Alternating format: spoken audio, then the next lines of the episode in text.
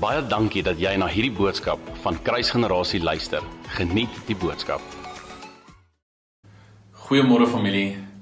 Vanoggend wil ek graag met julle deel oor 'n greenhouse. Nou vir die van julle wat nie weet wat 'n greenhouse is nie.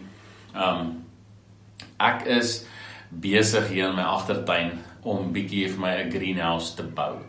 So dit is iets wat jy 'n uh, 'n uh, 'n uh, raamwerk het en oor hierdie raamwerk trek jy vir jou plastiek en dan binne in daardie ehm um, kamertjie wat wat jy dan nou dan nou bou ehm um, kan jy dan groentes en goed plant ehm um, regdeur die jaar wat normaalweg nie hier by ons sou groei in die winter nie omdat dit te koud word. Ehm um, en dan na natuurlik jou jou grootste voordeel van 'n greenhouse is dat jy kan die atmosfeer binne hierdie greenhouse kan jy beheer. Met ander woorde binne my greenhouse sit ek 'n termometertjie wat kyk wanneer dit te koud word, dan gaan daar 'n heatertjie aan. Ehm um, wat dan die die die minimum temperatuur handhaaf binne binne in in daardie plek. Um, en terwyl ek so besig is om hierdie greenhouse te design en te dink aan hoe ek hom gaan bou en al daai goedjies en hoe hy gaan werk. Ehm um, dink ek aan aan 'n storie wat wat wat Bill Johnson eendag vertel het waar hy ook vertel van 'n greenhouse en sy sy experience binne in 'n greenhouse en hoe hy dit vergelyk met um om om ons atmosfeer, die atmosfeer om ons um ook onder beheer te hou.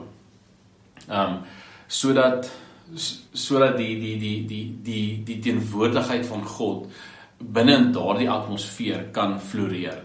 Net soos wat jou groente en blommetjies of wat ook al jy plant binne in daardie greenhouse, binne in daardie atmosfeer floreer omdat dit die perfekte atmosfeer is vir hulle, vir hulle.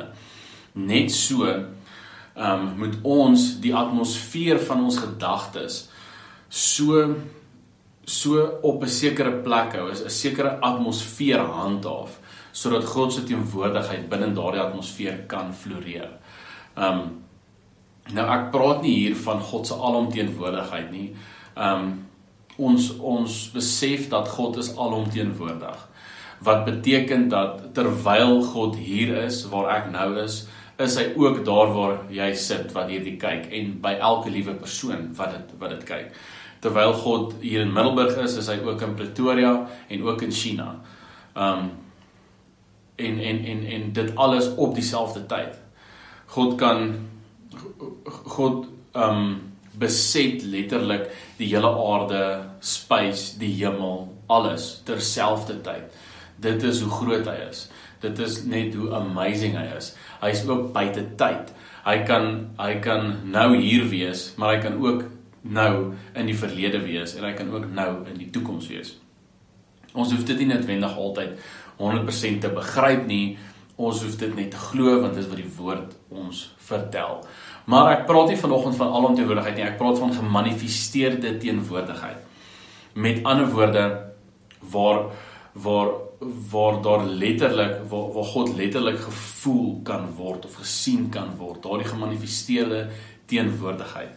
Um en Eksodus 33 vers 7 en 11 is my sulke mooi voor voorbeelde daarvan. Vers 7 sê Moses took his tent and pitched it outside the camp, far from the camp, and called it the tabernacle of meeting. And it came to pass that everyone who sought the Lord went out to the tabernacle of meeting, which was outside the camp. Nou Met ander woorde, ons sien hierso dat Moses het 'n voorbereiding getref. Ge, hy was letterlik intentioneel oor die voorbereiding wat wat hy tref. En dan sien ons in vers 11. So the Lord spoke to to Moses' face, excuse, so the Lord spoke to Moses face to face as a man speaks to his friend. En dit is wat Moses daaruit gekry het om intentioneel te wees. So wat ek jou vandag wil vra is om jou gedagtes intentioneel op 'n sekere manier te te te hou om die atmosfeer binne in jou gedagtes Ehm um, soos wat soos wat maar Mariska sê, bedink die dinge daarbo. Ehm um, om jou gedagtes letterlik binne in daardie atmosfeer te hou, die atmosfeer reg te hou sodat God se teenwoordigheid daarin kan seëvier. Ehm um, Bill Johnson gebruik die voorbeeld van van 'n uh, van 'n duif wat hy sê daar's 'n duif op jou skouer en jy loop letterlik en elke liewe beweging wat jy maak hou jy hierdie duif in gedagte want jy wil nie hê hy moet vlieg nie. En dit is hoe ons ons ons gedagtes moet wees. Ons moet ons gedagtes soos 'n greenhouse moet ons die atmosfeer van ons gedagtes so hou dat dit dat God se teenwoordigheid daarin kan floreer. Here ek kom bid vandag dat U ons sal help, Here, dat U helper, U Heilige Gees ons sal help, Here. Laat ons gedagtes gefokus sal wees wees op die dinge daarbo. Ja, Here, soveel keer moet ons dink aan aan ons werk en wat ons moet doen en wat ons beplan en al daardie goeders. Maar Here, ek kom bid dat deur dit alles dat ons u woord sal bedink, dat ons op u woord sal mediteer. Here, dat ons gereed sal wees en soos Mariska sê verrasbaar sal wees dat ons gereed sal wees vir dit wat U met ons wil deel. Daar waar U in ons gedagtes wil opdaag of waar U fisies wil manifesteer. Here ek kom bid dit in die naam van Jesus. Amen.